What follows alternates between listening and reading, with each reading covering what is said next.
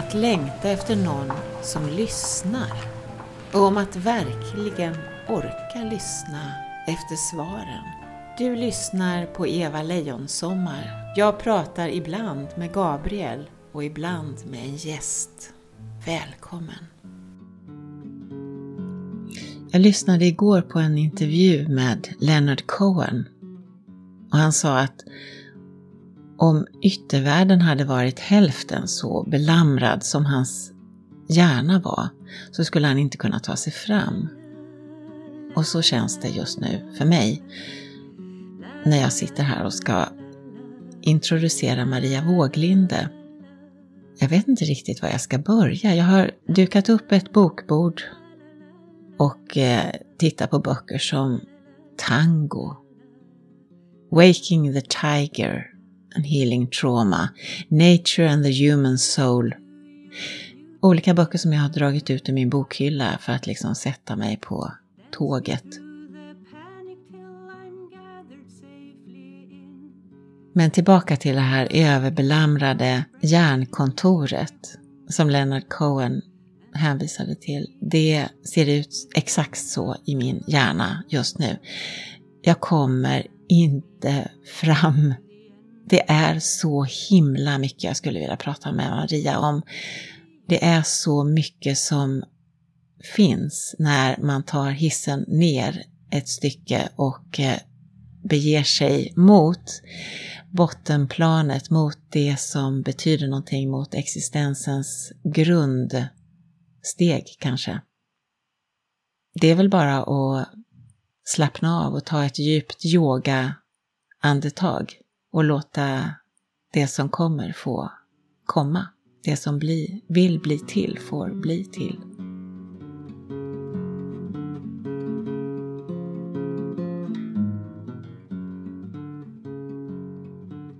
Ja men hej Cecilia! Hej Eva!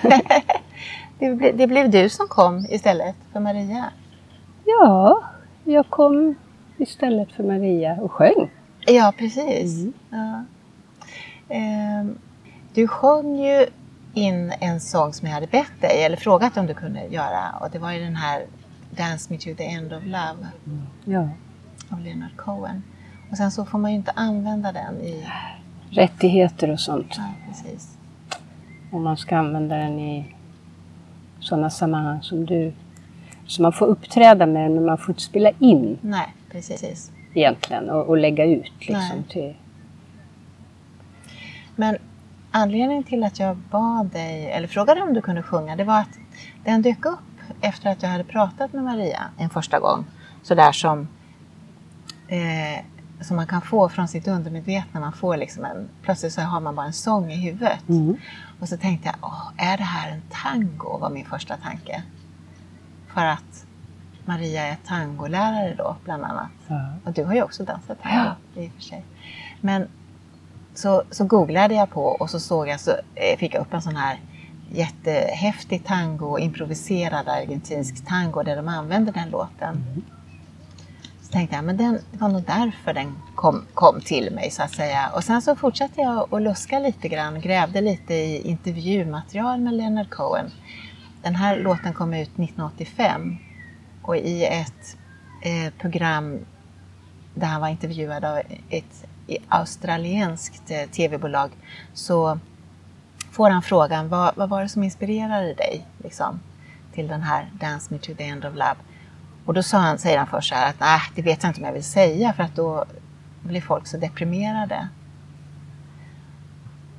Och då berättade han en jättespännande och, och rätt intressant historia och det var att han åkte till Berlin um, för att han egentligen var på jakt efter, liksom, ville skriva en sång om Berlin och om ondskans rötter. Ah. Och så är det ju sådär när man sätter igång någonting och kanske har ett, ett eh, ganska stort eh, mål, kan man ju säga då, lite så existentiellt mål, ja, men då, då, har man inte kontroll längre på vad som dyker upp. Nej, precis. så, så då tänkte jag, nästa, min nästa tanke var ju att ah, det, det, det här har att göra med kanske det samtalet som jag hade velat ha med Maria. Jag hoppas att jag kommer att få det. Där jag tänkte att vi ska gå ner på det här lite existentiella djupare. Både med, både med skrivande och trauma och med liksom också död faktiskt. Mm. Um, och så kom hon inte. Och, då tänkte, och så tänkte jag att jaha, ja ja men då får vi väl eh, ta det som ett, det var väl det som var meningen. Ja. Och så, så, och så hade du ändå spelat in och gjort en så fin, tycker jag, tolkning av den. Alltså, du har så fin röst. Du har ju även sjungit eh, mycket av, vad ska man säga, folk, vad skulle du säga dig själv? Kanske lite så här world music, sånger från olika delar av världen och, och eh, olika språk. Mm. Så. En hel del judisk musik faktiskt. Mm. Med tanke på Leonard Cohen och det han ville utforska kring ondskan. Det handlade ju lite om koncentrationsläger där. Mm. Och, Tänkte du på det när du, när du sjöng den? Visste du? Jag kommer inte ihåg om vi hade pratat jag om det. Jag tror att du hade berättat det för mig. Mm. Fast man skulle ju inte tro det när man sjunger den. För det är ju egentligen en sång om kärlek. Mm. Det är ju det som är så förunderligt. Han var ute efter att forska om ondska och så skrev han en sång om kärlek och det är ju storslaget. Ja, mm. Vad tänker du om det? Jag blir väldigt berörd av det känner jag. Liksom att, hur hänger det ihop? Liksom, det är ju också en existentiell fråga. Eftersom ondskan finns ju mm. runt omkring och överallt och inom oss själva. Överallt kan man väl säga att ondskan finns. Mm. Liksom. Och, eh, och kärleken finns också överallt mm. inom oss och utanför. Så det är ju en stor fråga. Hur hänger ondska ihop med kärlek och tvärtom? Mm. Hur kom han fram till den här sången? Mm. Jag vet att han säger i det där, i det där eh, programmet då att han var på en typ av spiritual quest. Alltså, så kanske är sången ett svar till honom i ja. första hand. Just det. Finns det något bortom ondskan? Finns det, är ondskan det liksom slutliga eller? Jag vet inte. Det tror jag inte. Nej, jag vet inte om det, jag vet inte om det var om det var det var, han kom var... fram till, liksom att det finns någonting mycket större, mycket bortom ondskan som är evigt. Mm. Kanske. Det var det han landade i, i den sången ja. i alla fall. Jag tror att den sista, sista, sista albumet så finns det en också en väldigt stark sång. Eh, jag tror att titeln är någonting med You want it darker eller om den heter bara Darker. Där, och sen så kommer nästa strof We kill the flame. Och den är, eh, det finns väldigt många bibliska referenser i den sången. Och även mm. både till judendom och kristendom. Och jag läste en del tolkningar också av vad han menar med den typen av text. För han var verkligen, eh, det var nära innan han dog som han skrev mm. den. Men det var en del som tolkade att mm, kanske inte var, att det var en mer ambivalent hållning från, från Leonard Cohens mm. sida i, i, den texten. Mm. Intressant. Det känner jag inte till. Som... Det kanske är så att vi människor gärna vill, vi vill ha det på det ena eller det andra sättet och att det ska sluta lyckligt och att vi ska ha någon, någon typ av... I, I, slutändan blir det bra. Mm. Men hur vet vi? Hur vet vi? Ja, vi vet ju inte. dels vet vi ju inte hur vi ska sluta våra liv och vi vet heller inte om eller vad som i sådana fall sker efter det. Mm. Så vi står ju inför ett slags vi måste ju liksom överlämna oss på något vis. Vi, vi har ju ingen kontroll. Mm. Ja. På tal om att Maria skulle komma och prata om existentiella saker. Eller hur? Trauman och... ja, trauman och så. Ja. Men du, innan, innan jag släpper dig då. Har du någonting att säga om, för det hade jag också tänkt prata med Maria om, tango. Ja. Du jag, jag har nämligen ett trauma, ett tangotrauma.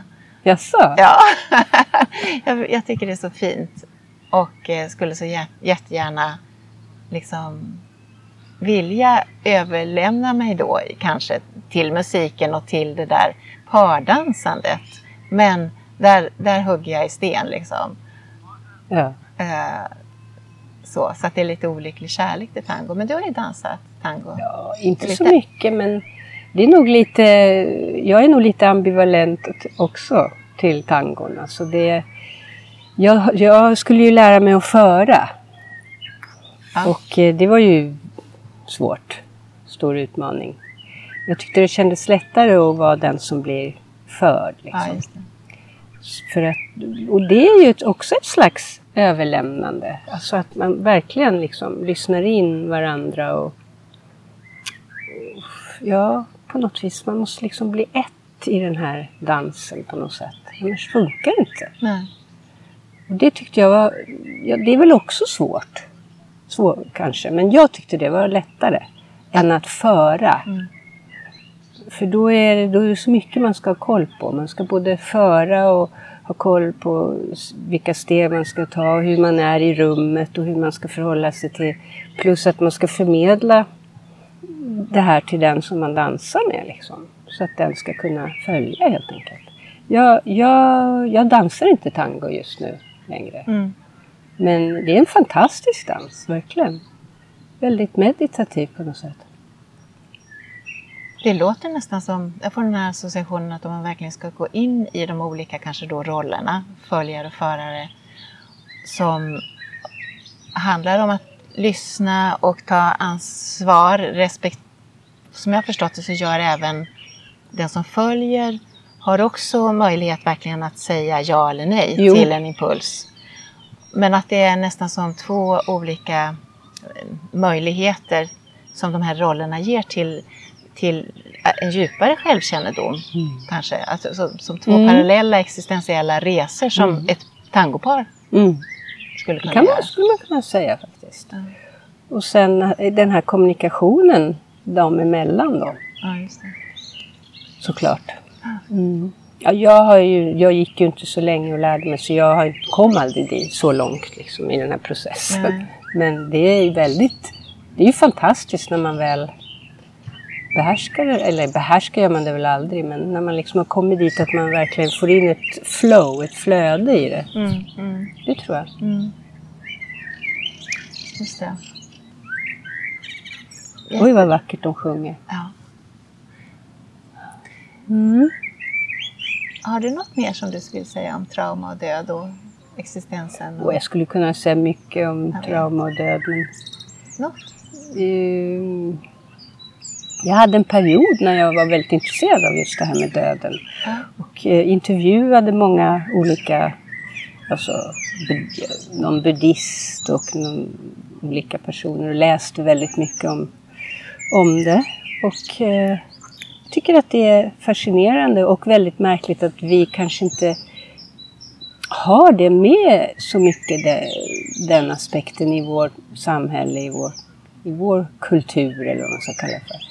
Den delen finns liksom inte med. Man pratar inte så gärna om döden och, och jag tycker det känns lite synd faktiskt.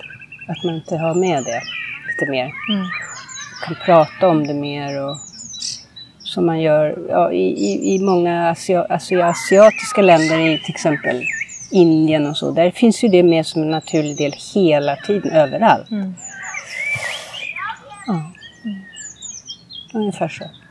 Hur gammal var du när du hade det liksom, intresset Mm. för det där speciella? Kan nog ha varit i 30-årsåldern tror jag. Okej.